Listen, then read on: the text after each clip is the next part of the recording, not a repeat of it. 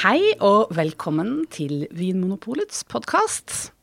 Dette er en jubileumsepisode. I studio så sitter altså Jens Nordahl, eh, vår eh, hushistoriker og pressesjef. Jeg heter fremdeles Anne Engrav, og med oss har vi selveste Elisabeth Hunter. Velkommen. Tusen takk. Og gratulerer med dagen. Takk for det. Du er jo altså, for de som ikke vet det, administrerende direktør i Vinmonopolet. Det stemmer. Eh, og derfor er det litt spesielt å kunne eh, gratulere deg med dagen på 100-årsdagen vår. Ja, er det ikke stas? ja, jo. Og jeg tenker jo også at jeg er kjempeheldig som er administrerende direktør og er på vakt når vi faktisk fyller 100 år. Ja. Så det syns jeg faktisk er lov å si. Ja, det skjønner jeg. Er dette en dag som har vært planlagt lenge, eller er dette et år som man har tenkt på veldig lenge? Eller skjedde det sånn Oi, det er 99 år.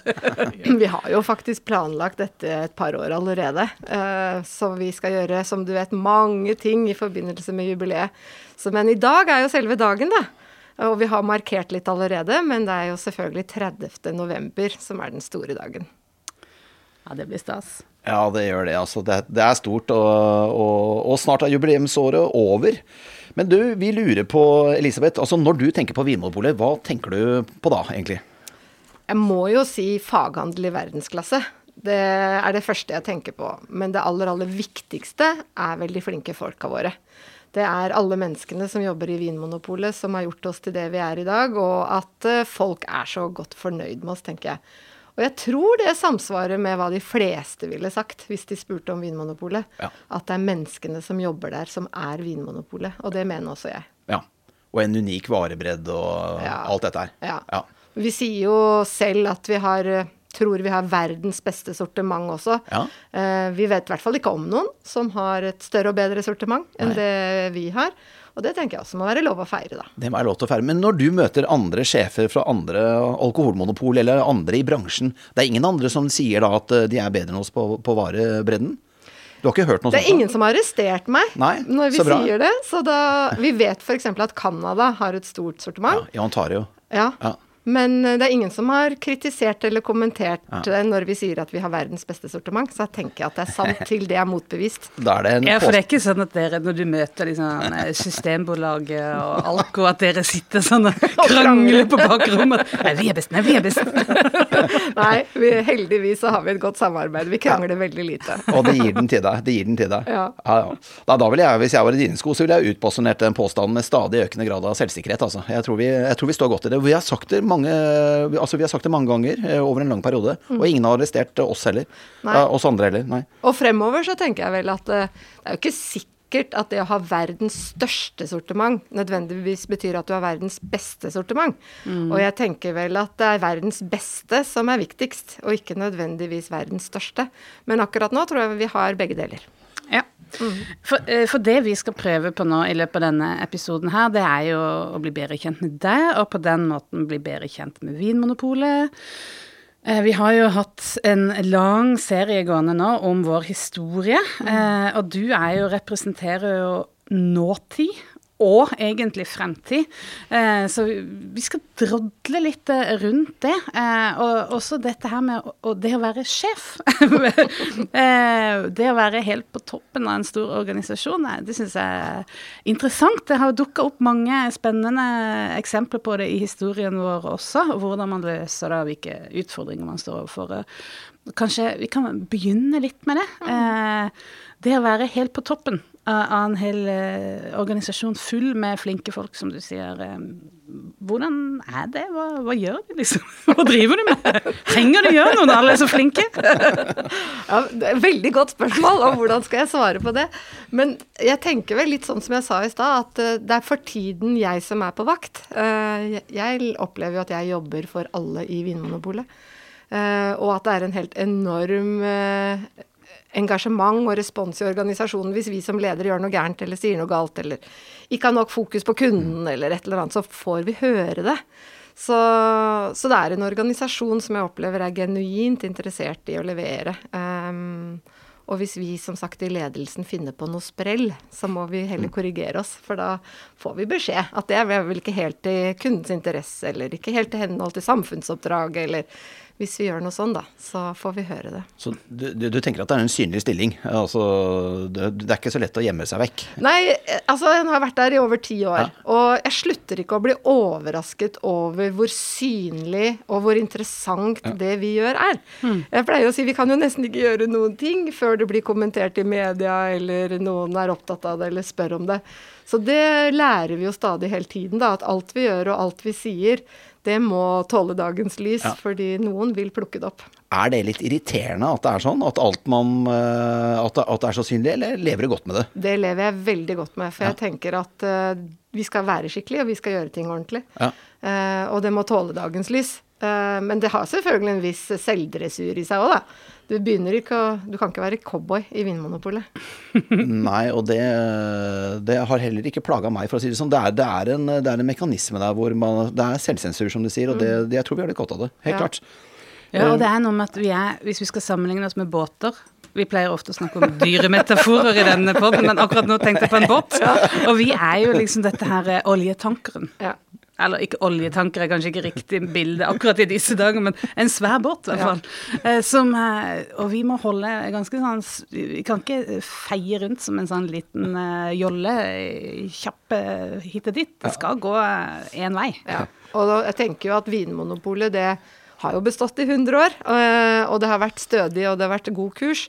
Og så har det hatt litt forskjellig fokus til forskjellig tid, selvfølgelig. men Vinmonopolet sitt store skip, da, hvis du skal si det, det kommer jo til å seile videre.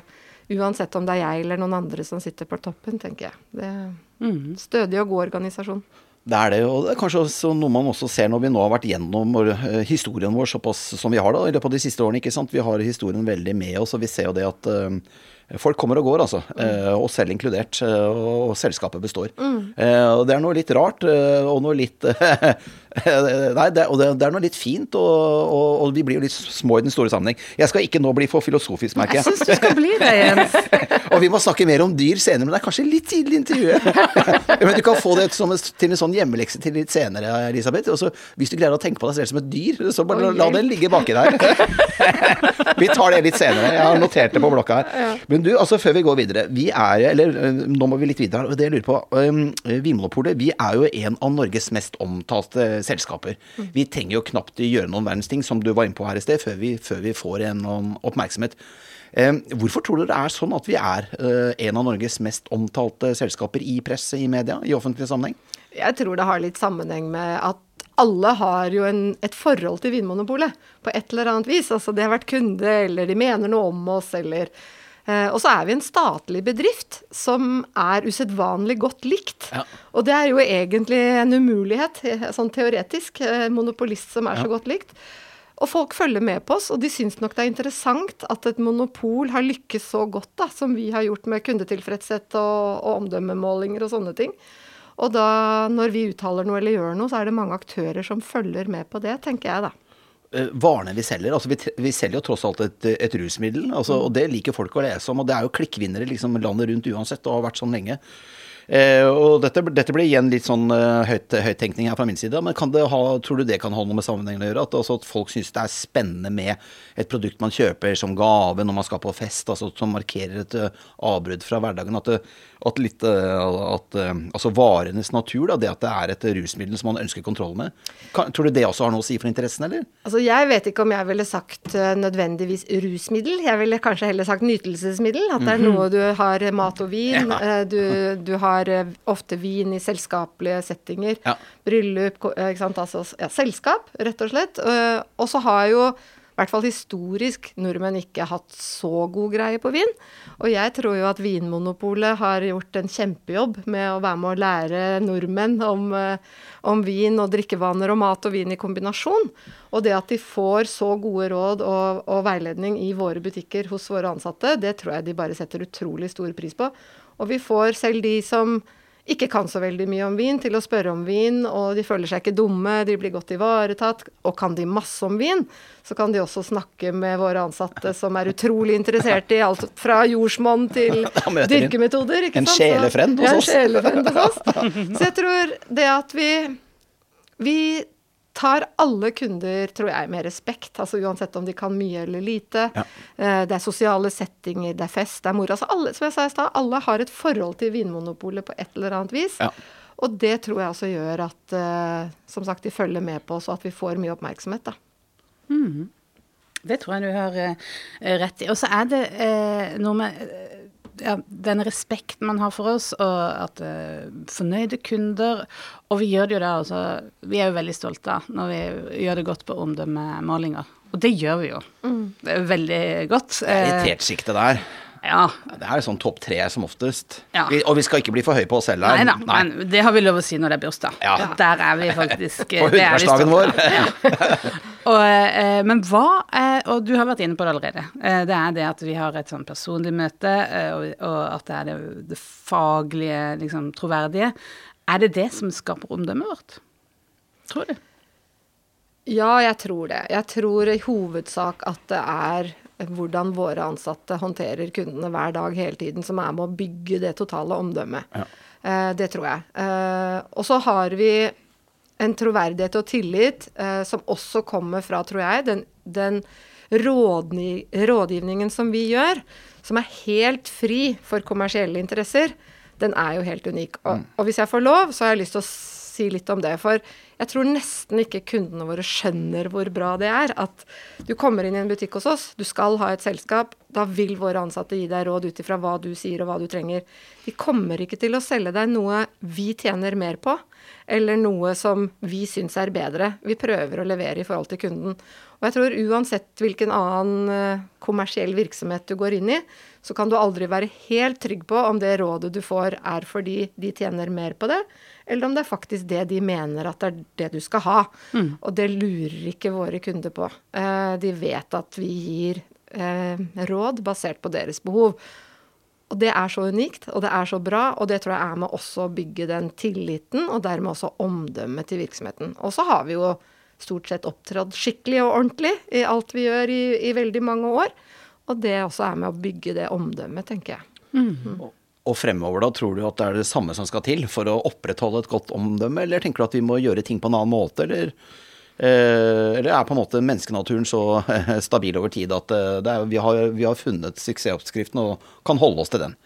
Det er i hvert fall mye vi skal fortsette med. Ja. Altså jeg, dette med butikkens død f.eks., den tror jeg er overdrevet. Jeg tror at eh, Vinmonopolet og Vinmonopolets butikker og rådgivningen vil bestå i mange, mange år til, og at det vil være veldig viktig i å levere på fremtidig omdømme også. Ja. Men så utvikler jo alle seg, både kunder og vi, og forventningene til oss endres også. Så vi må også utvikle oss i takt med det. Men jeg tror at grunnskipet, da, Anne, hvis det, vi skal snakke om skip, Ja. det, må, det vil være det samme. Ja, kundemøte. Ja. Ja.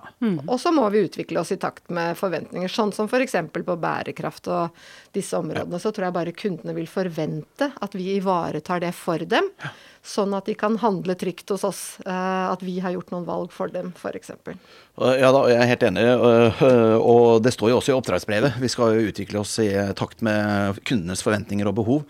Eh, tidligere i historien så har det vel vært en del sånn uløste problemer. altså Det har vært stein i skoen, på en måte, og så har man måttet løse de problemene. Jeg tenker nå, ikke for å bli for kjepphøy og selvsikker her, altså, men på vegne av selskapet, men eh, jeg greier vel ikke helt å se akkurat hvor skoen trykker nå. altså De fleste problemene er vel løst, og det er kanskje Og eller, nå, dette er jinxing, føler jeg. Sånn blir jeg stressa når noen sier det. Da blir jeg litt overtroisk. ja, Da tenker du vi må banke i bordet, da? Ja, nå skjer det nå. Ja, ok. Nei, men altså, øh, eller, altså er, det, er det noe eller For å stille spørsmålet på en annen måte, da. øh, Er det noe uløst? øh, Du tenker at vi, altså, er det noe som er det noe som vi ikke har greid å levere på nå? Det, hvor trykker skoen? For å si det litt annerledes, da. Jeg er ikke veldig bekymret for Vinmonopolets fremtid eh, med det første. Men hvis det er noe, så er det jo dette at vi er begrunnet ut ifra et helseperspektiv. Ja. Um, og da, hva mener jeg med det? Ikke sant? Vi, uh, vi består fordi vi er begrunnet ut ifra det. Men hvis EU skulle finne ut at vi ikke lenger er relevant, eller at det er ikke et reelt monopol i Norge som, eh, fordi man kjøper alkoholen sin alle andre steder enn hos oss, så er det jo ikke sikkert at man lenger kan begrunne å ha et vinmonopol ut ifra et helseperspektiv. Så hvis det er noe jeg er bekymret for, så er det jo om EU skulle finne på å begynne å stille spørsmålstegn ved det unntaket vi tross alt har, da. Eh, og hvis det f.eks. skulle skje i Sverige eller i Finland, for jeg tror de nordiske monopolene sånn sett henger eh, Altså vi er litt gjensidig avhengige av hverandre. Mm. Eh, så tror jeg det er faktisk det som Hvis det er én ting jeg kan være litt bekymret for, så er det at det kan skje noe der. Men jeg tror alt vi gjør på egen kjøl, det er ikke jeg noe bekymret for. For det tror jeg vi har kontroll på. Der skal vi klare å utvikle oss, og der skal vi klare å, mener jeg, å tilpasse oss de markedsutviklingstingene som skjer. Men i det store bildet, da, det politiske mm. EU-bildet, det er vel det eneste jeg tenker at vi kan ha en utfordring hvis det skjer noe der. Men eh, dette er jo helt utover mitt eh, felt, da. Men hva er det egentlig som truer Altså hvorfor skulle EU blir trua av Vinmonopolet. Altså, behandler ikke vi det på en måte åpne markedet på nesten mer åpent enn om ikke det hadde vært et monopol? Jo, men, men vi har jo et unntak begrunnet ut fra helseperspektiv, som jeg sier. Og hvis nordmenn kjøper alkoholen sin alle andre steder enn på Vinmonopolet, mm, sånn, ja. mm. så kan det jo hende at EU sier hvorfor skal Norge lenger ha et unntak fra konkurransebestemmelsene? Ja. Mm -hmm. um, ja. Og det som vel er et paradoks her, er at hvis enten Vinmonopolet selger altfor lite, altså at vi har en altfor lav markedsandel, eller vi kaller det selger altfor mye, og at du ikke får en, en folkehelsemessig positiv gevinst av å ha oss. Paradokset ligger jo da i at uh, vi, altså, vi, kan, vi, uh, vi, kan, stå svakere hvis vi enten selger altfor mye eller altfor lite. Uh, det, her, det, er en sånn slags gyllen middelvei her som er på en måte vi må ha en relevant markedsandel, ikke selge for mye, men samtidig på en måte være en signifikant eh, leverandør av folkehelse, da, for å si det litt sånn styltete. Nå ble jeg veldig statsviter her, merket jeg, men eh, det, det, jeg ser på smilene, dere, skjønner hva jeg mener? Ja, ja, ja. ja det er bra. men eh, eh, det var vel også grunnen til at eh, de gangene det kom opp dette her med gårdssalg og eh, hver gang det har kommet opp sånne diskusjoner, så har jo det vært på en måte Grunnen til at det ikke ville vært bra for Vinmonopolet, er jo nettopp det. Jo mm. flere unntak vi får fra hvor alkohol skal selges i Norge, jo mer hules da denne vinmonopolordninga ut. Helt riktig. Ja. Og det er vel det som jeg sier er det eneste jeg kan se på som en mm. potensiell bekymring hvis det skjer noe der. Og Sverige, da, som f.eks. er med i EU, eh, er jo enda mer kanskje utfordret på ordningen. Og hvis eh, Systembolaget får problemer, så kan det jo hende at noen begynner å snakke om det norske vinmonopolet også. Mm. Mm.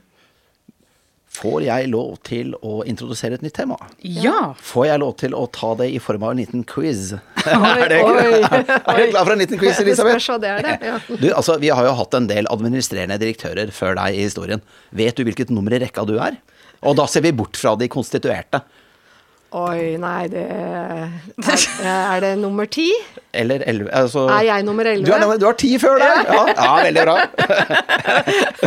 jeg vet ikke om jeg traff helt på den. Nei, det var eh, Jeg syns det er så nært at du skal få Du skal i hvert fall et halvt poeng. Ja, administrerende direktørquiz her. Eh, du, vet du hvor mange av disse før deg som har gått av med pensjon? Altså på en helt sånn vanlig måte, vet du det? Eh, to. Ja, det er riktig. Der får du et, et helt poeng. Eh, så er det jo flere av dem som har, har, har blitt eh, Noen av dem har jo måttet gå eh, etter konfrontasjon og konflikt og sånne ting. Andre har jo rett og slett bare valgt å kaste inn håndkleet fordi det har blitt for tøft. Mm. Vet du hvor mange som på en måte har gått etter bruduljer og uenighet med styret og eller politikere? Det er interessant. Nei, men jeg tror det er et høyt tall. Ja, det er Er det seks? Ja, til sammen. Det er, det. det er veldig bra. Du har to og et halvt av tre poeng. Tuller du? Jens, er det seks administrerende direktører som har gått etter bruduljer? Ja, det må vi nesten kunne si. Og så er det én da som har uh, sluttet pga. sykdom, og så er det én som sluttet etter fisjon, altså Frøysli, ikke sant, da selskapet ble, ble ah, delt. Mm. Av grunnen til at vi har denne litt sånn uhøytidelige quizen, Elisabeth, er fordi at også når vi ser på historien, og dette er, dette er, et, dette er et spørsmål begrunnet i historien, uh, det, det slår meg jo at det virker jo å være en ganske tøff stilling du har. Og jeg tenker for meg, da. Eh, administrerende direktør, det har en myteomspunnen klang. Jeg er veldig nysgjerrig på, eh, på, hvordan dette egentlig er. Men jeg tenker også, ser vi på historien, da. Eh, er, altså, man kan jo få en følelse av at det er ganske tøft. Altså ganske tøft å sitte ensom på toppen av, av pyramiden. Er det sånn? Altså, Når du sier det med alle de som har måttet gå, da, så må jeg bare få lov å si først at det, det er i hvert fall ikke noe jeg går rundt og tenker på. Nei, eh, Du tvinges ikke av historien? Nei, nei det er bra, det er godt å høre. Historien, og ja, jeg tenker like. Da kan det jo bare gå én vei. Det kan jo forhåpentligvis jeg være den første som slutter eh, helt frivillig eventuelt en dag, og i hvert fall ikke måtte gå. Eller den tredje som går av med pensjon. Ja, eller tredje som går av med Ja. pensjon, hvem vet. Eh, Men nei, den første kvinnen som går av med pensjon. I tilfelle, ja. det blir historisk. da, Ja, det, det, det er det det gjør da. Nei, så jeg tenker ikke mye på det. Og så er jeg skrudd sammen sånn at eh, jeg, får, jeg må gjøre det jeg mener er riktig hver dag hele tiden. Ja. Får ikke gjort noe annet. Det er, det, er ingen, det er ingen hjelp å gå rundt og bekymre seg. Så jeg tenker at eh, hvis jeg gjør så godt jeg kan i forhold til Vinmonopolet hver eneste dag, så tenker jeg det er vel begrensa hvor eh, ille det kan gå. Så det er liksom sånn jeg overlever, da, i en hektisk hverdag hvor det er mye som skjer. Ja.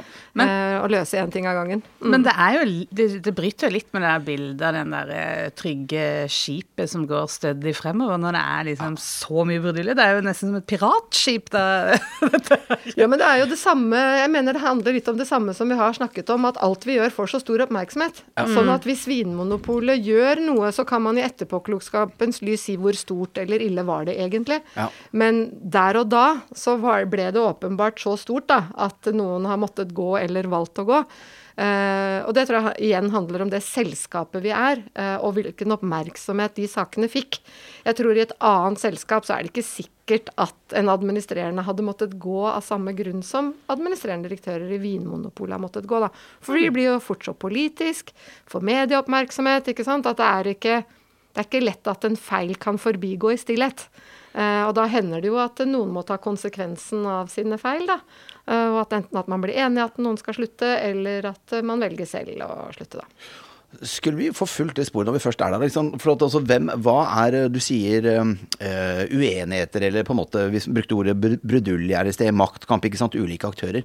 Hvem, hvem er det som uh, hvor, hvor er det noen sånne klassiske, kall det, hva skal man kalle det, konfliktlinjer, da, eller konfliktakser? Hvor, hvor er det de går? Altså, er, det, er, det, er det mot politiske miljøer, tenker du, eller er det mer internt mot uh, fagbevegelse eller eh, fagforeninger, eller er det er det styret, f.eks.? Altså, og jeg spør nå litt sånn fordi jeg er så tjukk i huet at jeg ikke veit. Altså, Eh, jeg, jeg, kan jeg, jeg kan jo danne meg en, danne meg en Jeg kan jo danne meg en, et bilde, men jeg er genuint nysgjerrig. Liksom, hva, går det an å si noe om det, eller, eller eh, vil dette variere fra situasjon til situasjon? Ja, det, det er liksom Du er sjefen, men er det du som bestemmer? Nei. jeg kan være ærlig på å si at jeg trodde da jeg, skulle, da jeg ble administrerende direktør at jeg hadde litt mer beslutningsmyndighet enn det jeg faktisk har. Så det kan jeg fortelle alle som hører på, at, eh, at alle har en sjef. Eh, og det har også jeg. Eh, og jeg har en, selvfølgelig en styreleder og et styre, og vi har et helse- og omsorgsdepartement. Ja. Så her er det mange som mener noe om hva vi skal, og, og hvordan vi skal gjøre ting og løse ting. Så jeg trodde som sagt at jeg trolig hadde litt mer beslutningsmyndighet enn det, enn det jeg faktisk har. Så det, det kan jeg være ærlig på. Og når det gjelder det du spurte om, Jens, så, så tror jeg nok det er forskjellig fra sak til sak. Altså Noen ganger så er det uenighet med styret. Ja. Eh, andre ganger kan det være interne forhold som blir så tøffe at eh, man finner ut at ikke det går lenger. Eh, eller at man faktisk bare blir enige om at det er på tide med nye krefter, liksom. Altså det har gått Hvis samarbeid f.eks. har blitt så krevende, da, at man ikke lenger tror det er reparerbart, Ja. da er det vel kanskje bedre at man blir enige om at man skal gjøre noe annet. Og i min kontrakt, og det er ikke hemmelig, så står det jo at eh, at jeg er administrerende så lenge styret ønsker det. Eh, trenger jo ikke noe grunn utover det, annet enn at, styret, at du ikke lenger er ønsket av styret. Og sånn tenker jeg faktisk det må være med en administrerende direktør. Eh, faktisk. Men Kan da liksom samarbeidsproblemer, personlig kjemi, være liksom nok til å spore av, eller vil det være, vil det være en sak, en, altså problemer å, å jobbe med, med sak? Eh, eller er det kanskje vanskelig å si, jeg vet ikke. Jeg, jeg, jeg, jeg, jeg skyter litt med hagla nå, merker Ja, jeg. Men, jeg tror vel at normalt vil det måtte være en sak. Ja. Normalt. Ja. Ja. Eh, og så er det vel kanskje ikke bare én sak heller. nei. Jeg vil vel tro at i de fleste tilfeller så er det flere ting som ikke stemmer, da. Ja. Eh, Nå snakker jeg generelt, nå snakker jeg ikke nødvendigvis Vinmonopolets historie. Neida. Men litt generelt så vil jeg vel si at hvis du har gjort én feil, så håper jeg vel ikke det betyr at eh, du må gå. Spørs selvfølgelig hvor stor den feilen er. Men, men generelt så ville jeg vel sagt at uh, sannsynligvis er flere ting. Både kanskje litt samarbeidsutfordringer, at det har vært flere saker som har blitt løst på en lite klok måte, kanskje. Og at det er summen av flere ting som gjør at man kanskje sammen med styret da, eventuelt blir enige om at vet du, dette går ikke så bra. Kanskje det er på tide at noen andre overtar. Og bare for Hvis jeg får lov til å fortsette på den. for at Det var jo akkurat det som gjaldt med Joyce. eh, legendariske eh, Einar Joyce, som jo da, trakk seg eller sluttet i 1992. Der var det summen av mange saker. Det var ikke én avgjørende. Eh, og det også, også for så vidt det samme med Grøholt. Han hadde ikke gjort noe, noe galt, men Knut valgte jo å trekke seg eh, i 19, nei, unnskyld, i 2006, var det vel? Eller på tampen av 2005. Med virkning fra to- to- 2006. Fordi at eh, noen av fagforeningene da ikke hadde tillit til han. Og så var det en lang eh, punktliste som vi har vært gjennom her i en tidligere episode. Eh, men hvor, man, eh, hvor det da på en måte ble summen av flere ting som man ikke likte. Eh, og så trakk han seg da, dessverre, som vi også har sagt. Så, så ja, det, altså, grunnen til at jeg nevner dette, det vekker historisk resonans, da det du sier at det antagelig blir summen av flere småsaker. Ja. Ja. Ja, for det vi også har snakka om i, i andre episoder tidligere i historien, er altså hva er det man trenger Altså hvilke egenskaper er det man trenger eh, som er gode å ha, da, når man er administrerende direktør? Kanskje spesielt i Polet, men kanskje sånn generelt også. Hva er det som er en liksom Direktøregenskapene, eller bakgrunnen også. Liksom, utdannelse kan jo, er jo selvfølgelig også en del av det. Erfaring. Jeg tror i hvert fall at du må være flink til å snakke med folk. Altså om det er eier, styre, ansatte i butikk eller kjedekontor. Eh, hvis du jobber i en kjede, i hvert fall, da, jobber i Vinmonopolet og ikke liker folk, det tror jeg blir krevende. Da vet jeg ikke om du ville lykkes så veldig godt som administrerende. Og så må man forstå at det er et stort selskap hvor det er mange mennesker som må involveres, eh, inkluderes i diskusjoner. Ehm, jeg driver jo fortsatt og lærer meg at jeg ikke, som jeg sier, kan beslutte ting. Hvor mange som må involveres i en beslutning. Og det er jo på godt og vondt. Altså det, Noen ganger kan det ta litt vel lang tid, syns jeg, mens andre ganger så er det ikke noe tvil om at beslutningene blir bedre av at man har hatt stor grad av involvering og diskus, diskutert det med mange forskjellige personer, både i organisasjonen og utenom organisasjonen. Så jeg tror egenskapene må være at du kan snakke med folk, og du må forstå at du må begynne, drive en stor grad av relasjonsvirksomhet, da, vil jeg si kanskje er noe av det viktigste. Og eh, du har jo sjøl Oi, nå er jeg litt lite forberedt. Er det økonomi? eh? Jeg er siviløkonom. Du er siviløkonom. Ja. Det går veldig fint.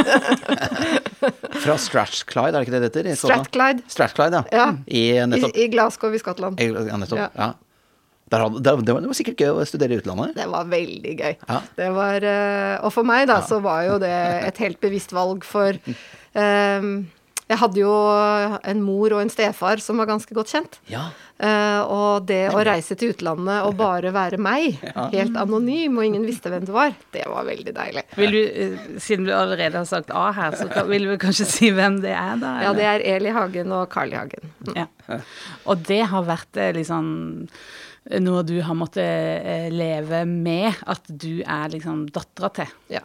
Ja. Det var eh, Skal vi se. Mamma traff Altså, mamma flyttet vel med Carl da jeg var åtte år, tror jeg. Søsteren min var to. Eh, så de, de, han og henne, har jo selvfølgelig vært en del av hele mitt liv. Og på den tiden, når jeg gikk på skolen, så var det jo Kåre Willoch og Gro Harlem Brundtland og Carl I. Hagen, og de var jo i media hver dag hele tiden. Så det er jo det jeg vokste opp med, selvfølgelig. Um, og på skolen så var det jo ofte sånn at de spurte meg om å forklare eller forsvare eller kommentere ting som skjedde i mediebildet, som ikke jeg nødvendigvis var så interessert i. Jeg følte vel kanskje ikke det var min jobb, å verken eh, kommentere eller mene så mye om det. Uh, men sånn var det jo. Eh, og det da å dra til utlandet og studere, det var helt bevisst valg med tanke på at nå har jeg lyst til å prøve det. Eh, og ikke bare det, jeg hadde lyst til å studere økonomi. Eh, men å studere i utlandet, så tenkte jeg både at det var litt blanke ark og man var anonym, og at man fikk med seg kultur og språk samtidig. Mm.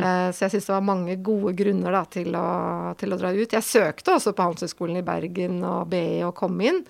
Men så fikk, var jeg så heldig at jeg fikk stipend fra Norsk Næringslivs Stiftelse, da, som dekket skolepengene mine hvis jeg dro ut. Og da tenkte jeg da var det meningen. Det var det jeg skulle ut.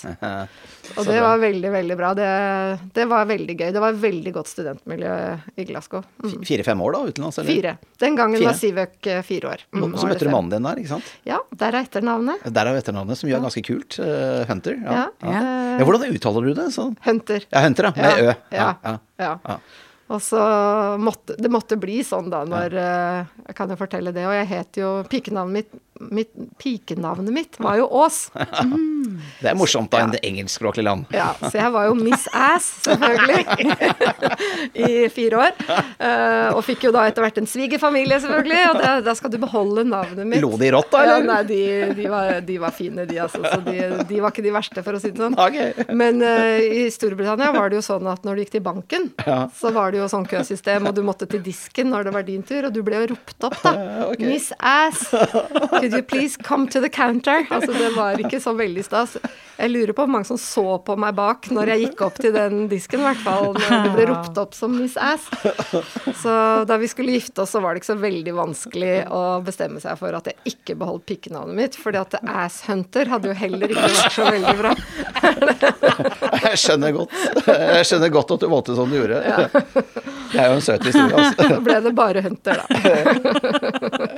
Ja, det er morsomt. Ja, kan, på, I festlig lag kan ja. du ta det fram, da. Ja, kan det. Det er jo kjempegøy at du forteller om dette med å være administrerende direktør. Også, du nevnte dette med Carl I. Hagen. For meg er jo han en legendarisk eh, person i norsk politikk, norsk eh, moderne politisk historie, akkurat sånn som du sa. Det er Gro Kåre, det er Kjell Magne Bondevik, det er Carl I. Hagen, det er Jens Stoltenberg. Han er liksom i elitedivisjonen. Det jeg lurer litt på, altså, du kommer, Vi må jo kunne si at du kommer fra en politisk eh, familie med en av Norges aller dyktigste faglig sett politikere. Eh, Har det vært liksom noe har, har du eh, snappet opp noen triks? Altså, har du lært noe om Eh, ja, altså har du lært noe øh, med tanke på å komme fra en sånn familie som har vært nyttig for deg i jobben, tror du? Ja, det tror jeg. For eh, jeg har jo vært heldig og truffet veldig mange spennende mennesker Ja. eh, i min barndom og oppvekst, da. Eh, så jeg har både truffet de og snakket med de. Eh, og det tror jeg har gjort at jeg hele livet ikke har problemer med å snakke med folk, uansett eh, hvor de er i eh, høyt eller lavt, da, hvis vi skal Ja. bruke de begrepene. Eh, de er bare folk, de òg. Ja. Det går faktisk an å snakke med de. Så det tror jeg har gjort at jeg bare ikke har de utfordringene som kanskje noen har, da. Hvis de er bekymret for å snakke med folk i posisjon eller stilling. Ja. Men du har ikke eh, Du må jo ha fått litt sånn ekstra innsikt i hvordan det politiske liv fungerer, og liksom Mm, og derfor vil ikke jeg bli politiker. Ja, akkurat. Det er litt som pølsemakeren som ikke spiser pølse. Ja. Nei, det har jeg sagt mange ganger, og det, det mener jeg helt oppriktig. At eh, det å være politiker, Ja. og bli så utskjelt, uansett hva du mener og uansett hva du gjør, det er en utakknemlig jobb og oppgave. Så jeg har sett dessverre litt for mye av det, som uh, gjør at eh, jeg har da, som dere skjønner, valgt annerledes. Politikk har ikke vært et alternativ for meg, dessverre. Selv om jeg alltid har vært politisk engasjert og samfunnsinteressert. og jeg har valgt andre ting, da. F.eks. så var jeg leder i ANSA UK, som var eh, foreningen for alle norske studenter i Storbritannia. Og da var jo det leder for en eh, studentorganisasjon, men det var jo studentpolitikk i og for seg, men ikke partipolitikk. Så jeg har jo alltid vært interessert og engasjert, men, men å gå inn i politikken, det har aldri vært noe ønske, nettopp fordi jeg har sett eh, hvor mye de jobber, og hvor mye utskjelt de blir. Eh, og lite takknemlig, eh, tenker jeg da. Eh, og det ser jeg jo blir debattert i dag òg. At det faktisk er en utfordring, jeg mener det, for demokratiet. At hvem vil nesten gå inn i politikken? Hvis eh, alt du gjør eh, skal brettes ut i sosiale medier eller på nettet, mm.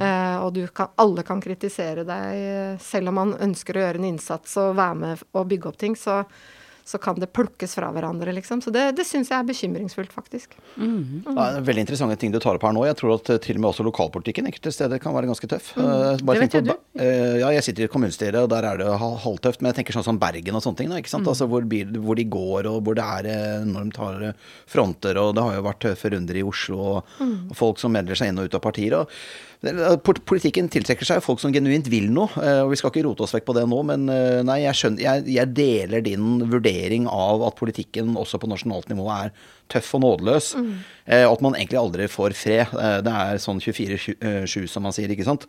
Men det bringer meg videre til neste spørsmål, Elisabeth, for at jeg tenker vel også på det som å være administrerende direktør som en slags form for livsstil, eller det må, må du svare på, da, men får du noen gang fred? Altså Man skulle jo tro at dette også er et verv som på en måte følger deg 24-7, eh, selv når du er på ferie, for du må alltid være litt våken og litt på alerten, eller kan du slappe av og spise julemiddagen uten å, å glemme at du er administrerende? Går det?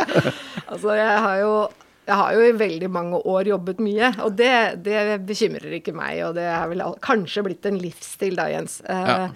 Men eh, det er selvfølgelig sånn at i perioder så kan jeg faktisk ikke gjøre noe på kveldstid eller privat, fordi at det går ikke. Fordi du har leveranser hver dag som gjør Ja. at du må bruke alle kvelder for å levere til dagen etterpå. Ja. Du har møter hele dagen, du bruker kvelden på å forberede til dagen etter, og så er det ny dag. Når det er sagt, så syns jeg at eh, helger og ferier, det, det får jeg også til. Ja. Og så er det selvfølgelig sånn at du skrur ikke helt av. Du gjør ikke det. Men når du kan være på hytta og gå en skitur Ja. eller dra på båttur, da har jeg fri. Ja. Uh, og da er jeg ikke administrerende direktør i hodet. Så kan det godt hende det er noen beskjeder Ja. når du kommer tilbake. Men det er helt greit. Ja, det får man leve med. Blir man sliten og lei? Altså, blir du noen gang sliten og lei? Eller har, har man lov til å si det når man er toppsjef? Altså, som regel så syns jeg jo at all innsats gir resultater. Ja. Og da er det verdt det. Altså når du jobber mye med en ting, og så tenker du åh, nå er det mye f.eks. at du jobber og du jobber og holder på med noe. Men så du, leverer du da, eller blir ferdig med noe, og det går bra. Ja, da er jo all den jobben glemt. Ja. Da er det verdt det, på en måte. Og sånn går nå årene. Sånn holder jeg på. Ja så det, ja, det har nok blitt en livsstil. Jeg ser det. Ja da. Ja. Jeg skal innrømme det at jeg kan jo en, en, en liten halvtime eller to kan jeg kanskje være sliten og lei med. Så når man våkner dagen Ja. etter, så er man klar til ny dyst, da. Ja, altså, selv, om, eller selv da jeg ikke var administrerende, så jobbet jo mye da òg. Så det er litt med hva Du trives med det? Ja. Hva skjer hvis ikke du får eh, jobbe? Hvis, eh, og, og, greier du å ta ferie, altså? Jeg, det, jeg har jo aldri prøvd å ikke jobbe. Nei. Um, og jeg har jo skjønt at eh, det er noe med meg å gjøre. Du har At, virketrang i kroppen. Ja, Ja. fordi det har jo vært sånn fra ung alder. Altså Ja. Selv før jeg hadde lederjobber, så påtok jeg meg nye ting og gjorde nye ting. Og det er helt åpenbart Ja. at jeg trives med det. Og, og et, det er ikke et alternativ. Jeg klarer ikke å se for meg at jeg ikke skulle det. Nei. Nei. Men når du har ferie, sitter du og dingler med beina, eller? Er det planting av hekt, eller begynner du å mure ting, Ja, eller? jeg må gjøre noe hver dag. Henter du fra motorsagen, eller hva er det du gjør? Nei, jeg mener jeg er Planter du trær, eller kutter du trær? beise. Ja, Jeg beise. beiser og Ja. maler mye. Jeg er jo okay, så heldig å ha hytte. sånn Vedlikeholder, ja, Ja, er vedlikeholder. Ja. Og så er nok mannen min mer på motorsag og Men vi har fin arbeidsdeling, da. Hvem, hvem er det som planter da dere? Den er meg. hvem er det som- Ja, det er du som planter blomstene? Ja, ja, ja. Du planter og vedlikeholder, og han eh, Og han tar motorsagen. Han tar motorsagen. Jeg skjønner. Say no more. er det sånn, ja. Say no more, altså. Eh, Du, eh, vi har noen spørsmål til her knyttet til hvordan det er å være administrerende direktør. Altså, du er liksom på nivå én, helt øverst i hier- hierarkiet i bedriften. Er det ensomt? Også, øh, føler man seg noen ganger litt sånn ensom? Eller, altså, du har jo en ledergruppe rundt deg. Er det sånn at de liksom eh, De er tross alt på nivå to, da, men eh, ja, jeg skal ikke rote meg for mye vekk her. Men altså, er det ensomt å være administrerende direktør? Ehm, jeg var jo, som du vet, kjededirektør i Vinmonopolet i sju år Ja. før jeg ble administrerende. Uh, og jeg husker jeg sa på et butikksjefsmøte at uh, da jeg var søker for å bli administrerende og ikke visste utfallet, så sa jeg på et butikksjefsmøte at eh, dersom stillingen hadde vært på valg, altså det var mm. demokrati i Vinmonopolet, og at stillingen var på valg, så er jeg, var jeg overbevist om at jeg hadde ligget godt an. Ja. Um, og så var jeg jo så heldig at jeg fikk jobben. Uh, og når det har vært litt tøft og vanskelig, så har jeg faktisk følt og tenkt at jeg har organisasjonen i ryggen. Ja. Og så hadde jeg tenkt at hvis du hadde begynt i Vinmonopolet som ny administrerende direktør og ikke kjent noen, Ja, Ikke sant? Det, det ville jeg trodd Ja. hadde vært krevende og vanskelig. Ja. Men jeg er veldig veldig glad for at jeg hadde de sju årene som kjededirektør. For da jeg gikk inn da i rollen da, så følte jeg jo at jeg kjente organisasjonen veldig godt. Ja. Både i butikk og på kjedekontor. Jeg følte jeg visste litt hva jeg gikk til. Um, når det er sagt, så var det jo bare et halvt år inn i rollen, så var vi en, i en pandemi. Ja. Eh, og det tenker jeg også at tenk om det hadde vært en ny ekstern administrerende direktør som ikke kjente organisasjonen når det skjedde. Ja. Når vi alle satt på hjemmekontor og skulle lede virksomheten. Jeg visste jo hvem jeg måtte ringe, jeg visste hvem ja, alle, alle beslutningsprosessene våre og sånne ting, og kjente organisasjonen. Så, så på en måte føler jeg meg på ingen måte ensom fordi jeg føler jeg har organisasjonen i ryggen. På den annen side så er det jo ikke noe tvil om at de fleste beslutninger så er det noen som har en eller annen interesse i den beslutningen. Ja. Og da er du litt alene. Fordi at den beslutningen du tar, vil jo påvirke noen.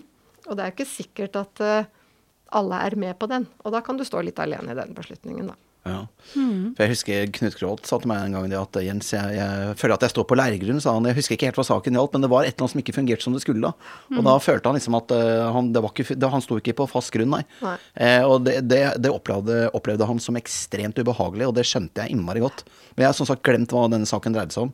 Men det, er- det ikke leirgrunnfølelsen du får for, for, for, ofte, håper jeg? Nei. Nei. Men er, jeg tenker jo som litt det vi sa i stad, at eh, hva skal til hvis eh, det går så galt at man må gå, f.eks. Da tror jeg at da er det flere ting som ikke fungerer. Ja. Da er det både tror jeg, organisasjon, det er kanskje ledergruppa di, eh, kanskje styret. Altså jeg tror det er flere forhold som ikke fungerer. Og da kan det jo hende at man føler at man er på leirgrunn, da. Ja. Eh, Den følelsen har jeg heldigvis ikke hatt ennå. Og da har det bygd seg opp over tid, så det er Ja, det eh, tror jeg ja. Ja, garantert. Men så er det noe med det der at man må eh, Det du sier om at det du gjør, får jo konsekvenser for noen. Og da eh, vil det være mange som prøver å påvirke det i sin retning. Og eh, jeg, jeg tror kanskje jeg ville blitt litt paranoid, egentlig. Og tenkt på hva er det liksom hva kan man, Hvem kan man stole på, og hva er det som er riktig? Hvordan Kan du si noe om det? Er Hvordan det står det til med paranoia, Elisabeth? Det er det vi lurer på! Jeg er veldig lite, jeg er veldig lite god på sånne konspirasjonsteorier og andre ting. Ja, og da det er går jeg sikkert en god egenskap. Ja, jeg, jeg tror det er veldig bra, egentlig. For Ja, det tror jeg eh, da, tilbake til det jeg sa i stad. Jeg, jeg kan bare gjøre det jeg mener er riktig hver dag hele tiden, og det gjør jeg på de sakene òg. Ja. Eh, og så gleder du noen, og så skuffer du noen andre med noen beslutninger, da, hvis du endrer på ansvar eller myndighet eller gjør sånne ting. Ehm, så, så ja, det kan føles ensomt å ta de beslutningene, men, men et, eh, grunner jo de alltid et eller annet. At jeg mener at det er riktig for Vinmonopolet, eller at det er riktig for den personen, eller Ja. Eh, Noen ganger må man ta beslutninger som leder fordi det kreves og forventes av en. Det ligger til rollen, liksom. Da må du gjøre det, selv om det skuffer noen. Men er det vanskelige beslutninger å ta, da? Altså, tenker du at det øh, Eller, eller Nei, da tenker jeg det er jobben min. Ja. Og så har du jo heldigvis ikke den situasjonen at vi må nedbemanne, Nei. eller at det går Nei. dårlig. Så det at, vi har jo ikke vært i sånn kniven på strupen-situasjon Nei. På en stund. For ikke så lenge jeg har vært i polet. Nei, heldigvis. Og, og igjen, da, bank i bordet, du som er overtroisk. Ja. Eh, og vi er jo nå i et litt sånn spennende landskap, fordi at uh, dette, er ikke, dette er det ikke så mange som på en måte vet uh, hva innebærer. Men, øh, og jeg tenker, altså, forlengelsen av dette, Elisabeth. eh, Det vanskeligste ved å være administrerende direktør, altså går det an å si noe om det? Eller har du kanskje egentlig allerede sagt det? men... Eller er det, er, det, er det noen sånne åpenbare ting som er ekstra krevende, tenker du? Eller, eller er det stort sett greit, det meste av det som er arbeidsoppgave på ditt øh, skrivebord? Jeg har vel kanskje vært litt innom det, men jeg tror det er kanskje spennet i jobben. Ja. Altså hvor mange du faktisk må forholde deg til. Eh, det er veldig mange som skal involveres, informeres eh, når det skjer ting hos oss. Eh, og i hvert fall i et sånt omfang som ikke jeg har sett noe andre steder enn her. da. Hvis du tenker, sant, Vi har ja, styre eh, og HOD, men vi har jo bedriftsforsamling, og vi har kontrollkomité, og vi har internrevisjon og eksternrevisjon. og Det er ganske mange fora som eh, skal involveres og inkluderes eh, hvis vi gjør endringer, f.eks. Og det syns jeg kan være krevende. lar det seg balansere stort sett, eller er det noen sånne innebygde kalde interessekonflikter i systemet her som gjør at liksom det er en vanskelig sak å skride til verket på? da? Altså, er det Jo, det er eh, Det vil jeg si er til stadighet. ikke sant? Vi skal utvikle oss i Ja. takt med kundenes forventning. Og så har vi det rammeverket vi har. Uh, og det kan jo hende styret ønsker å utfordre på noe som Helse- og omsorgsdepartementet ønsker noe annet. Og så må vi diskutere det, da. Og finne hvordan skrider vi fram. Ja, det er interessant. Hvis Mm. styret mener noe annet enn departementet, som du sa. hva, hva, hvordan posisjonerer administrerende direktør seg da? Da vil jeg jobbe for det jeg mener er riktigst og viktigst for Vinmonopolet. Ja. Uh, uavhengig av hvem som, av de som mener hva. Og så vil jeg prøve å få de til å forstå hvorfor vi mener som vi mener. Og så forhåpentligvis får vi de med oss begge. Og er det da handlingsrom? Altså Har du muligheten til å i gåsehendene kuppe, det kan høres feil ut, da, men har du da muligheten til å på en måte komme med så overbevisende argumenter at du da kan snu skuta, for å bruke det begrepet, da? Ja, det mener jeg. Ja, og det er Men hvis jeg ikke får det til, så Ja. får jeg jo nei òg, da. Og da går jeg jo imot en styrebeslutning, og det er ikke så lurt. Nei. Og hvis da departementet har en annen altså, det, Hvis vi tar hierarkiet her, departementet sorterer vel eh, over styret igjen, ikke Mm. Ja, sant? men det er jo departementet som velger vårt styre. ja, ikke sant? Og da har de jo delegert det Ja. til styret. Eh, egentlig. At det er de som eh, vi rapporterer til. Men så er vi jo eid av et departement, da. Så vi får jo oppdragsbrevet årlig, og så har vi kontaktmøter med de underveis. Ja. Men uh, formelt sett så er det styret. Ja, dette syns jeg er kjempespennende. Eh, For det, her, her skisserer du et veldig spennende dilemma som ikke jeg har tenkt så veldig mye på. Begge disse er jo da overordnet oss i administrasjonen, og med deg på toppen, ikke sant. Eh, Men er det, skjer det ofte at det er uenighet her, eller, eh, eller, eller, eh, eller er det mer sånn sjeldenhetene? Jeg vil vel gå så langt som å si at det er noe hele tiden på det. Ah, oi, interessant. Ja, Oi. det er det jo. Oi. Men hvem, Vi må ta en lang Dette blir en lang prat, dere! hvem er det som styrer ordet megler og liksom Nei, Er det- vi, er nei, vi diskuterer det jo primært da i styret først, og så blir vi, finner vi en plan. Uh, blir enige om noe der. Og så løfter man utfordringen, problemstillingen, til eier, da, hvis det er noe. Og det står det jo også i oppdragsbrevet at vi skal. At eh, vi, det er vår oppgave eh, å løfte det hvis det er ting som eh, trenger ramme, endringer i rammebetingelser eller andre ting, da. Spennende. Dette er kjempegøy. ja, eh, Eh, må, Og det er bra du byr på deg selv, Elisabeth. Tusen takk. ja, det, dette her, det er jo nå vi får innblikk i disse rommene som vi vanligvis ikke henger i. Jeg, jeg er nysgjerrig. Jeg skulle gjerne vært flue på veggen. der, Elisabeth. Men eh, en annen ting som jeg, jeg, jeg tenker eh, Nå er jo eh, Altså, du har jo en ledergruppe. Det er jo dine på en måte folk. Skal vi, kan vi kalle det regjering? Kan vi bruke sånn? Nei. Nei. Supperoll. Men eh, denne ledergruppa, den er jo eh, nå i ferd Altså det er jo mange nye eh, som skal inn i ledergruppa. Eh, Hvordan er det eh, man setter sammen en sånn gruppe? Hva tenker man da? Er det, er det personlighet? Er det favorittfarve? Er det altså, erfaring? Er bekjentskap? Det, liksom, kan du forklare oss eh, hvordan dette funker? Ja, det må jo starte med at vi er jo et selskap som har store ambisjoner. Vi skal være faghandel i verdensklasse. Da må vi også ha ledere som er med og skulle utvikle oss eh, og få til det. Eh, så jeg tenker at alle som sitter i ledergruppen må være der eh, basert på sine kvalifikasjoner og hva de har fått til og hva de har gjort før. Altså for å starte med det, da. Eh, jeg har pleid å si at det er ikke i Vinmonopolet du prøver deg som toppleder for første gang. Nei. du bør ha gjort litt, mener jeg, før, eh, før man kommer til Vinmonopolet. Nettopp fordi at jeg mener, som jeg sa i stad, at det er ganske mange relasjoner du skal forholde deg til, og da bør du være litt erfaren med å ha gjort det før. Så de som sitter i ledergruppen, bør, bør være erfarne og flinke på sine felt for å starte der. Og så ønsker man jo en gruppe Jeg ønsker i hvert fall en gruppe med personer som bidrar inn med forskjellige ting. Forskjellig type kompetanse og forskjellig erfaring, sånn at vi kan utvikle oss sammen, da. Så ja, de må kunne sitt felt, men de må også kunne være gode i gruppedynamikken. Det hjelper ikke hvor god du er på ditt område hvis ikke du kan samarbeide, f.eks. Eh, og jeg har alltid vært sånn at jeg liker å sette sammen folk som er litt forskjellige, bidrar med forskjellige ting. Eh, og de som jeg har ledet en stund, vil også si det at hvis det er uoverensstemmelse f.eks. i en avdeling, at det er noen som har helt forskjellig syn om hvordan man skal eh, løse en sak, så har jeg kanskje pleid å sette sammen den som mener ja, og den som sier nei. Og så ber jeg de to om å komme med et forslag til hvordan vi skal løse den problemstillingen. Og da får du som regel veldig gode forslag på når de blir tvunget til å komme med forslaget, den som vil det ene og den som vil det andre, så kommer de med det. Og det samme er egentlig en ledergruppe. Sette sammen de som har litt forskjellig syn. Eh, Noen mener at vi skal gå den veien, noen mener vi skal gå den veien. Og så er det gjennom de diskusjonene da, at vi forhåpentligvis lander på gode løsninger som er bedre, tross alt. Ja, for dere fremstår jo alltid for eh, eh, sånn, sånn som meg. som om dere er liksom én masse.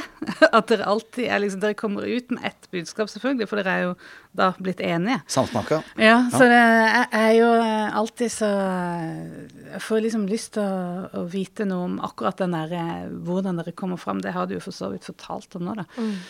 Hvordan man eh, For da går, handler det vel da om at de uenighetene handler om at de, man ser ting ut fra sitt felt, og at man da er uenig i hva som er best for sitt felt, eller mm. Men i ledergruppa så, så skal, mener jeg at alle skal være med og være ansvarlig for totalen.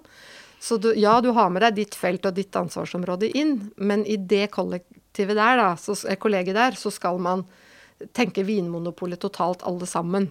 Um, og det er jo selvfølgelig store forskjeller i meninger, og vi kan diskutere masse, men når vi har landet, og når vi har konkludert, så skal vi forhåpentligvis komme ut med det samme budskapet alle sammen. Så hvis det er det du opplever, så blir jo jeg litt glad. Ja. For det, hender jo selvfølgelig at vi har veldig forskjellig syn på noen ting i ledergruppa initielt. Mm. Eh, men forhåpentligvis da så diskuterer vi det til vi har konsensus. Og det er jo veldig vinmonopolsk at vi diskuterer oss fram til konsensus. For andre steder så er det jo ikke helt sikkert at man gjør det heller nødvendigvis.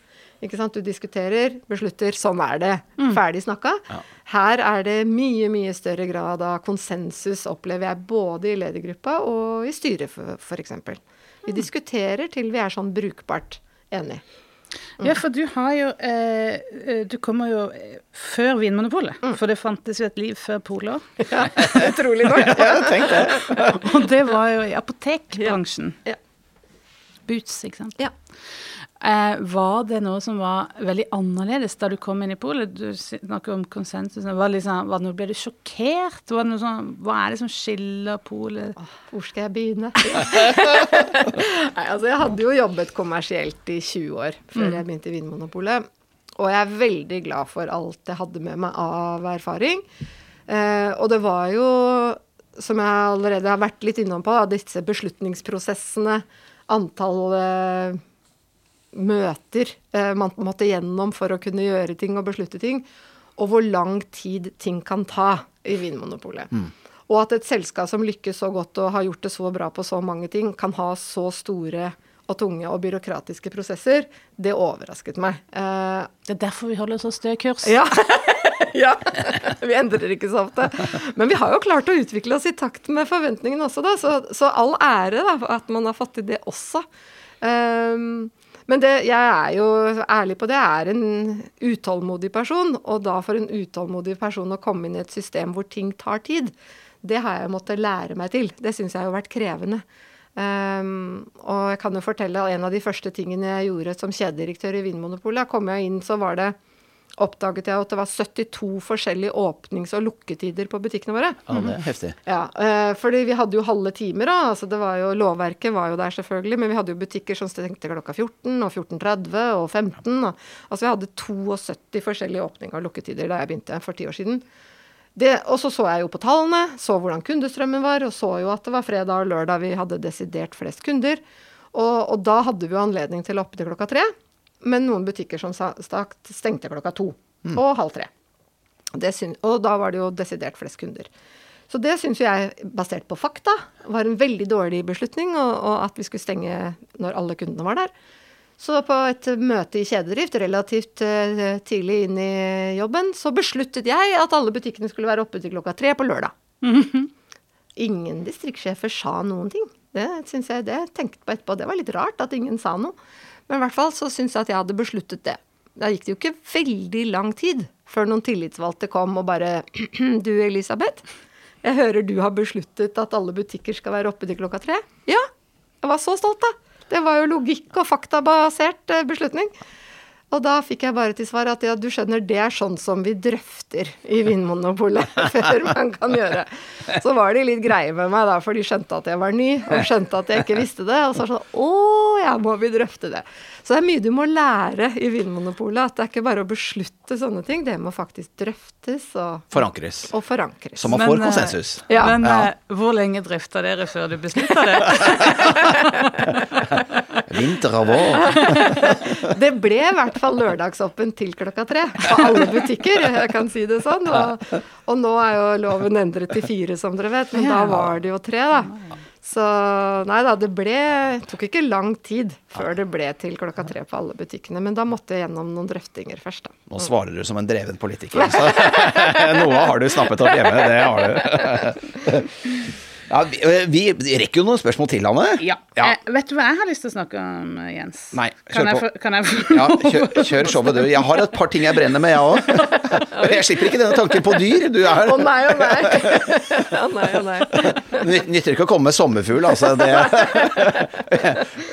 Og jeg har også mange ting, men altså, jeg har jo noe som jeg brenner spesielt for, eh, og det er jo faget eh, som vi er så stolte av. Vi er jo en faghandel, eh, og akkurat det vi innleder med dette her møtet mellom en, en kunde og en vinmonopolansatt, den der magien som oppstår der, det handler jo om en sånn derre en slags sånn flamme eh, av interesse for det vi holder på med, de produktene vi selger, kunnskapen om det. Det er jo en sånn basill som jeg tror veldig mange av oss er bitt av. Eh, og, og, det syns jeg eh, eh, er så fint formulert når vi sier vi skal være en sånn faghandel i verdensklasse. Og så er det jo så mange som går rundt og er stolte av det, men jeg har lyst til å høre liksom, dine ord. Hva er det en faghandel i verdensklasse betyr? Hva er det? Hvordan, hvordan, vet vi at vi er en faghandel i verdensklasse? Vi kan i hvert fall starte med målingene i Norge, da. At vi har jo over lang tid blitt kåret til um, ja, om ikke Norges beste fagandel, så er vi i hvert fall alltid helt i toppen på, på kåringene på fagandel i Norge. Uh, og da tenkte jo vi at det er ingenting i veien for å ha som ambisjon om å være en faghandel i verdensklasse. Vi er gode på norsk nivå, men vi, vi skal vel ikke være dårligere enn at vi skal kunne måle oss med faghandel i verdensklasse, da. Og hva legger jeg i det? Jo, vi skal levere på et nivå som andre ikke kan arrestere på at vi er dårlige eh, i forhold til andre aktører som det er naturlig for oss å sammenligne oss med. Og da handler jo det både om butikkene våre, hvor flinke folka våre er, men det handler jo også om at de skal treffe Vinmonopolet på en god måte i alle kanaler, plattformer som vi leverer. Og at ikke det er andre aktører som utvikler seg på en måte som vi ikke utvikler oss. Da er vi ikke lenger i en faghandel i verdensklasse. Så de tingene som vi kan utvikle oss på, og ikke blir sett på som en sinke da, eller ikke en, en faghandel i verdensklasse. Mm. Um, jeg vet ikke om Igjen, jeg vet ikke om noen som er bedre enn oss. Er det lov å si det? På bursdag er det lov, var det ikke enige om det? Var vi var enige om det. På bursdag er det lov å si det. Det er mange flinke retailere i verden, bare for å si det. Og jeg skal ikke påstå at jeg kjenner alle. Men, eh, men jeg syns likevel at det er en bra ambisjon. Eh, for da har vi hele tiden noe å strekke oss etter, og vi er gode allerede. Men det handler om å ivareta det og utvikle det også sånn at ikke vi tror at gårsdagens faghandelnivå er godt nok i fremtiden. Eh, men bare for å snu litt på det, da. Hvis vi er en handel mm. i verdensklasse, at vi er liksom Alt er helt sånn superknirkefritt. Og polkøen er jo historie for lenge siden. Og at Vel. alt Eller, eller ja. På bursdag er det lov å si. Eh, men at vi alt fungerer sånn helt nydelig, sømløst. Eh, men de som jobber i butikk, hvorfor trenger de egentlig å vite noe om det de selger, hvis vi har gode digitale løsninger, eller hvis vi har en liksom veldig treffsikre eksterne aktører som i form av apper eller eh, Instagram-kontoer eller eh, ditt og datt mm. eh, kan løse problemet til kunden. Hvorfor trenger vi å vite noe?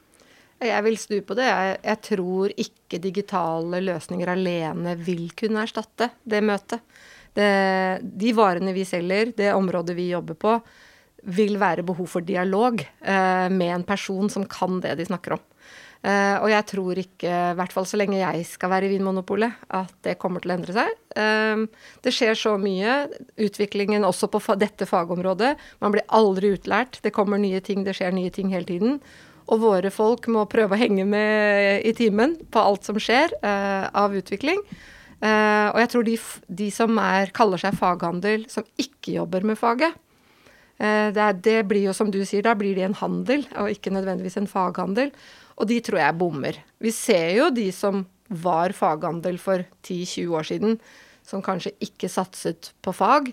Uh, som har ansatte i butikken som både er service-minded og flinke, liksom. Men hvis ikke du får hjelp lenger mm. på det du lurer på, så syns ikke jeg du er en faghandel. Da er du en en, en, som driver med handel, mm. men ikke nødvendigvis en faghandel. Og en flere av de ser vi jo nå sier at de går tilbake og skal bli faghandel. De satser på opplæring og utvikling av sine ansatte igjen. Mm. For, ikke for å henge ut noen, da, men om du går på bensinstasjon, du får jo ikke hjelp til bilen, liksom. Det er jo bare pølser og boller. Eh, du får knapt vindusviskere der eh, hvis du er heldig. Eh, og jeg skal ikke nevne flere, da, for det vil ikke henge ut noen, men det mener jeg da går du bort fra faghandelsbiten. Eh, og det tror jeg rett og slett at da, da bommer Vinmonopolet, hvis vi går bort fra faghandelsbiten. Det Det er sjela vår. Ja. Mm. Det Derfor faghandel i verdensklasse. Ja, men da er vi enige, da. og så har vi jo den eh, heldige situasjonen at de, som jobber for oss, har en veldig vel, hvert fall sånn jeg opplever det, en veldig sånn sterk indre motivasjon av den gløden man har for å gi mye, for å sette seg inn i, i dette. Det Vi er kjempeheldige. Du, Det er veldig gøy å ha deg her, Elisabeth. Og jeg har et par ting eh, som jeg brenner inne med her. Eller som jeg ikke vil brenne inne med. Du, altså, eh, Hvis vi går til denne historiepodden vår, så er det noen temaer der som egentlig bare har tvunget seg litt fram. Blant annet likestilling. Eh, og jeg må jo innrømme det, og jeg innser det at jeg har vært naiv. Eh, fordi at eh, jeg trodde det at kvinnene hadde en mer framtredende rolle i historien enn det de har hatt. Og vi har blitt, egentlig blitt litt sjokkert av det når vi har gått gjennom og sett hvordan kvinnene var fraværende i, i eh, møtereferater, på bilder osv. Eh, Men vi ser, ja, vi ser at vi har vært gjennom en rivende utvikling i samfunnet, og også i Vinmonopolet. Og selv, som jeg har sagt mange ganger, jeg kommer fra en familie med veldig mange sterke kvinner, eh, så for meg er dette helt, helt eh, naturlig. Det var en lang innledning her. Men altså, jeg tenker, hva, hva tenker du, Elisabeth? Hvordan står det til med likestillingen i Vinmonopolet i 2022? Er vi på en måte kommet så langt som vi bør, eller er det fortsatt ting å ta tak i, tenker du? Altså På likestilling så mener jo jeg at vi har kommet veldig langt. Eh, tror det var sånn da jeg begynte at de fleste butikksjefer var menn. Altså bare for ti år siden. Mm. så tror jeg, tror jeg at jeg har rett i det. Det tror jeg også. Eh, ja, Og nå er det jo ikke lenger sånn. Nei. Nå er det flest eh, kvinnelige butikksjefer. Ja. Så det har, som du sier vært en kjempeutvikling på likestilling i organisasjonen. Og det var jo sånn at det var veldig mange damer som jobbet i Vinmonopolet, men veldig få ble sjefer eller butikksjefer. Og det er jo snudd. Og i ledergruppe og i styret, som dere vet, så har vi jo den kvinneandelen som vi skal ha. Når det er sagt, så kan vi helt sikkert jobbe mer med mangfold. Altså personer med forskjellig Ja. erfaring, kompetanse som vi bringer inn, sånn at vi skal få med oss eh, andre ting inn i diskusjoner og beslutningene våre. Men likestilling syns jeg nok at vi kan tikke av. Ja, det er interessant. Og det du sier da med mangfold, det, det på en måte det, det høres fornuftig ut. Jeg, jeg har jo sjekket her i årsrapporten, jeg ser det at vi har jo godt over 300 ledere i, i Vinmonopolet. 57% er kvinner, 43% er menn. Så, så vi er jo, vi er jo Man kommer aldri i mål, og vi må alltid være bevisst på dette her. Eh, men, eh, men dette med mangfold, som du sier, og da tenker du da på eh, altså, mangfold av erfaringer, da, og kall det kanskje også eh, etnisitet, hvis det på en måte er en relevant dimensjon. Også hvor folk kommer fra kulturelle erfaringer osv. Så at, det- at det er ja, et inkluderende arbeidsliv. Ja. Ja, Det er det jeg tenker på. Jeg vet jo at vi har også mange nasjonaliteter i Vinmonopolet. Det er kult. Ja. Det liker vi. Det er jo eh, alle verdensdeler og mange land. Ja, vi har nesten alle vinland representert. Ja, har vi ikke det? Jo, nesten. Ja, det er fett. Og det tenker jeg er med å bidra til det mangfoldet, da. Ja. Og det mangfoldet har vi godt av. Så selv om jeg syns vi har kommet langt på likestilling, så tenker jeg at eh, det, man skal følge med på det, sånn at ikke det blir noen skjevheter. Men hele tiden i hvert fall være bevisst dette med mangfold, da. Sånn at ikke vi blir bare like mennesker som jobber sammen. Det Ja. tror jeg ikke fører til gode løsninger. Ah, kjedelig. Det er så Ja, kjedelig. Ja, Ja. for, ja, det er kjedelig. Det er én ting, pluss at vi er jo en eh, bedrift som skal på en måte deale med hele Norge. Så de, vi må jo re reflektere hele Norge på, med alt det innebærer. Ja, derfor skal vi ikke være bare menn eller bare kvinner, ikke sant. Vi skal være god blanding. Ja. Vi skal deale med hele Norge med produkter fra hele verden. Eh, Så jeg tenker at det, det globale er liksom i ryggraden vår, ja. Virkelig. Vi har folk overalt, eller vi har kontakter i hele verden. Jeg syns det er litt kult. Og, og kanskje også litt sånn eh, eh, Ja, litt, sånn spennende med framtiden nå, tenker jeg. For at altså eh, vi, vi- må vel kanskje rekke noen spørsmål om framtiden nå, eh, Anne? Bør Ja, vi ikke det? vi gjør det. Vi rekker det. Litt om bærekraft og sånn. For det- altså, øh, Nå skal ikke jeg legge ord i munnen din, Elisabeth, men altså, framtiden Det er ingen som helt vet hva den bringer, men det er jo noen utfordringer som er mer outspoken eh, enn en andre, og dette med, både med digitalisering og bærekraft er jo to av dem. Mm. tenker, du, tenker du at framtiden øh, er mye oppsummert i de to, eller er det andre ting som kommer til å prege årene våre fremover? Jeg bare understreker, jeg har ingen baktanke for å stille dette spørsmålet, så jeg, det er genuin nysgjerrighet. Ja. Eh, Vinmonopolet vil bestå eh, i hvert fall i flere år til, litt med grunnmuren som vi ser i dag, tror jeg. Med butikker, med digitale kanaler, eh, digitale løsninger. Ja. Så jeg tror ikke på noen revolusjon. Selv, selv med den store teknologiske utviklingen som vi står overfor i veldig mange bransjer og veldig mange områder, så tror ikke jeg på et sånn fem til ti års perspektiv eh, at Vinmonopolets forretningsmodell vil se helt annerledes ut. Nei. Når det er sagt, så er det mange ting som skjer, eh, f.eks. på klima, emballasje, alt dette hvor vi, jeg tror vi må ta store grep. Eh, og at vi er jo, som du vet, i en utfordrende situasjon i forhold til å ivareta likebehandlingsprinsippet, men også levere på de forventningene som er til oss da på, på klima og miljø. Ja. Så det tror jeg, så teknologisk utvikling vil det skje mye. Vi må se hvordan vi skal tilpasse oss og utvikle oss i forhold til den utviklingen som skjer der. Og hvis kundenes forventning til oss er noe helt annet om kort tid, så må jo vi også se på hva vi skal gjøre med det før det er for seint. Og så da på miljøet, så ønsker vi jo faktisk å være en pådriver på bærekraft. Ja, så der skal vi jo ikke bare vente og se heller. Der skal vi jo drive endringene i bransjen. Uh, og jeg mener jo at vi kan gjøre en forskjell. Uh, vi må bare gjøre det med klokskap. Uh, og få med oss bransjen på de endringene som vi gjør. Så mener jo jeg at eh, det burde være mulig for oss å få til, da. Og det koker jo ned til at uh, mye av klimaavtrykket uh, det handler jo om emballasje og tunge glassflasker som transporteres over lange avstander. Og da tenker jeg det at eh, Er det så enkelt som at man bør rett og slett eh, få et regelverk da mot, eh, mot tung og miljøfiendtlig, kall det emballasje, eller altså klimafiendtlig emballasje, eller, eller, eller er det, eh, ordner vi dette på noen annen, annen måte? Altså Det letteste for oss hadde jo vært selvfølgelig Og jeg er ikke en som normalt eh, snakker varmt for å få lovkrav. Nei. Eh, Men det letteste for oss hadde jo utvilsomt vært hvis EU bestemte at Ja. ikke det var lov med tunge glassflasker, f.eks. Ja. Det hadde jo vært veldig fint for oss. Eh, Men hvis det ikke skjer, for det har i hvert fall ikke skjedd foreløpig, så tenker jeg at vi må jobbe den veien likevel. Ja. Og det er jo det vi er i ferd med å gjøre. Eh, Men innføringen av det hadde jo utvilsomt vært lettere, da, hvis det hadde kommet et felles mål eller krav på det. Og det er jo ikke tenkelig at EU kommer med det, Ja. men vi vet selvfølgelig ikke når. Al- Alternativt dyre eller høye avgifter på miljøfiendtlig emballasje. Det er en annen måte å da unngå et forbud eller lovregulering, men at man da på en måte baker inn kostnaden som miljøutfordringen eller klimautfordringen har, da. Eh, ja. Du, eh, det jeg tenker på når det Jeg blir veldig glad for og igjen da stolt over at vi tar eh, liksom ambisiøse mål på den bærekraftsbiten. Det er noe vi som kler oss. Vi, vi vet vi kan ansvar, og dette er en del av det ansvaret vi må ta. Men i det øyeblikket, eh, det lurer jeg på, og det er jo sikkert noe du må stå i som toppsjef, at eh, i det øyeblikket de bærekraftsmålene vi har satt oss, går på kollisjonskurs med f.eks. faghandel i verdensklasse, hva velger man da? Det er et godt spørsmål. Og, og et stort dilemma. Hvordan skal jeg svare på det? Altså, jeg tenker Vi må jo ha et godt og bredt eh, utvalg og et sortiment. Mm. Så dersom klima og miljø får altfor stor plass, så kan det jo teoretisk side ha, kan det jo være få varer igjen. Eh, hva er rollen til Vinmonopolet da, eh, hvis vi ikke kan levere et godt og bredt sortiment? Fordi at vi har så strenge klimaemballasjekrav at eh, sortimentet vårt blir dårlig. Altså vi vil jo ikke dit. Samtidig som jeg tenker jeg vil heller få kjeft for at vi går for langt i klima- og miljøspørsmålet enn for kort. Eh, men hva betyr det? det? Det vet vi jo ikke enda, annet enn at vi jobber jo nå sammen med bransjen på å finne løsninger på hvordan vi kan levere på klima og miljø, uten at det sortimentet vårt blir for forringet av den grunn, da. Eh, La meg bare ta ett sånn praktisk eksempel. F.eks. musserende vin fra Argentina. Trenger vi en musserende vin fra Argentina som er til forveksling lik en uh, musserende vin fra eh, Tyskland eller Frankrike? Altså, det er jo sånne dilemmaer man kan komme opp i, da. Kan Og, vi ta og sånn som det er i dag, så må vi jo det. Fordi vi skal likebehandle leverandørene.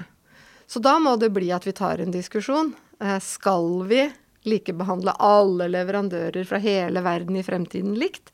Eller kan vi gjøre ting for å se på eh, transport, avstander? Eh, Jens var inne på avgifter. Skal vi ta museene fra Australia og andre siden av verden, ikke sant? Eller er det andre måter å gjøre det på? Eh, det har vi ikke landet ennå. Men det er spørsmål som jeg mener vi må ta. Og som vi ikke må være redde for å ta heller. Og vi har vel muligheten til å ta, diskutere dette med politikere og med, med departementet og sånne ting. Vi, vi, må ta en rolle. For vi har jo en mulighet til å bidra her. Jeg tenker at det er jo håp fortsatt. Altså Vi kan jo bidra til å gjøre verden til et bedre sted. Vi kan jo kutte masse klimautslipp hvis vi skulle ønske det. Ja, jeg mener vi kan være med å absolutt gjøre en forskjell. Ja. Eh, nærmer vi oss slutten, Anne, eller hvordan Jeg har ikke med. Nei. Jeg har, jeg har én ting. Å nei. Dyret. uh, vi har jo beskrevet Grøholt som en rev, en lur rev, og Kai Henriksen, da var vi oppe på nesten grizzlybjørnen. Uh, vi, kan vi, vi, vi beskriver ikke administrerende direktør som et eh, insekt, altså. Det gjør vi ikke. Det er noe med pels. Noe med pels. Ja, noe med pattedyr. Det er, er du, hva, hva slags dyr er du, tenker du? Altså, for vi er jo og, um, ikke for Jeg har sittet og sett på deg nå, Elisabeth. Er du en gaupe, kanskje? Det syns jeg var et veldig godt forslag. Fordi jeg er veldig glad i katter. Ja. Jeg har to Ja. katter, to sibirske skogskatter. Eh, Så jeg er jo veldig glad i kattedyr. Jeg vet ikke om jeg er så lat som de kattene mine, altså, for de Nei. sover stort sett hele dagen. Men de har det veldig godt, og de lever et veldig godt liv. Ja.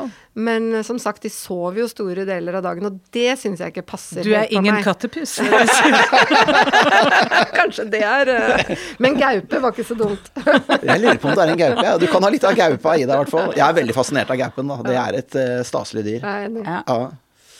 Skal vi la det omtrent være siste ord, eller, Anne? ja, det tror jeg vi gjør. Tusen takk for at du kom. Bare hyggelig. Kjempestas. Og så må jeg få lov å si tusen takk for at jeg fikk komme, og gratulerer med dagen. Takk, Tusen takk. Takk for at du hører på Vinmonopolets podkast. Har du forslag til et tema i podkasten? Send mail til podkast at vinmonopolet.no. I tillegg svarer kundesenteret deg på e-post, chat og telefon.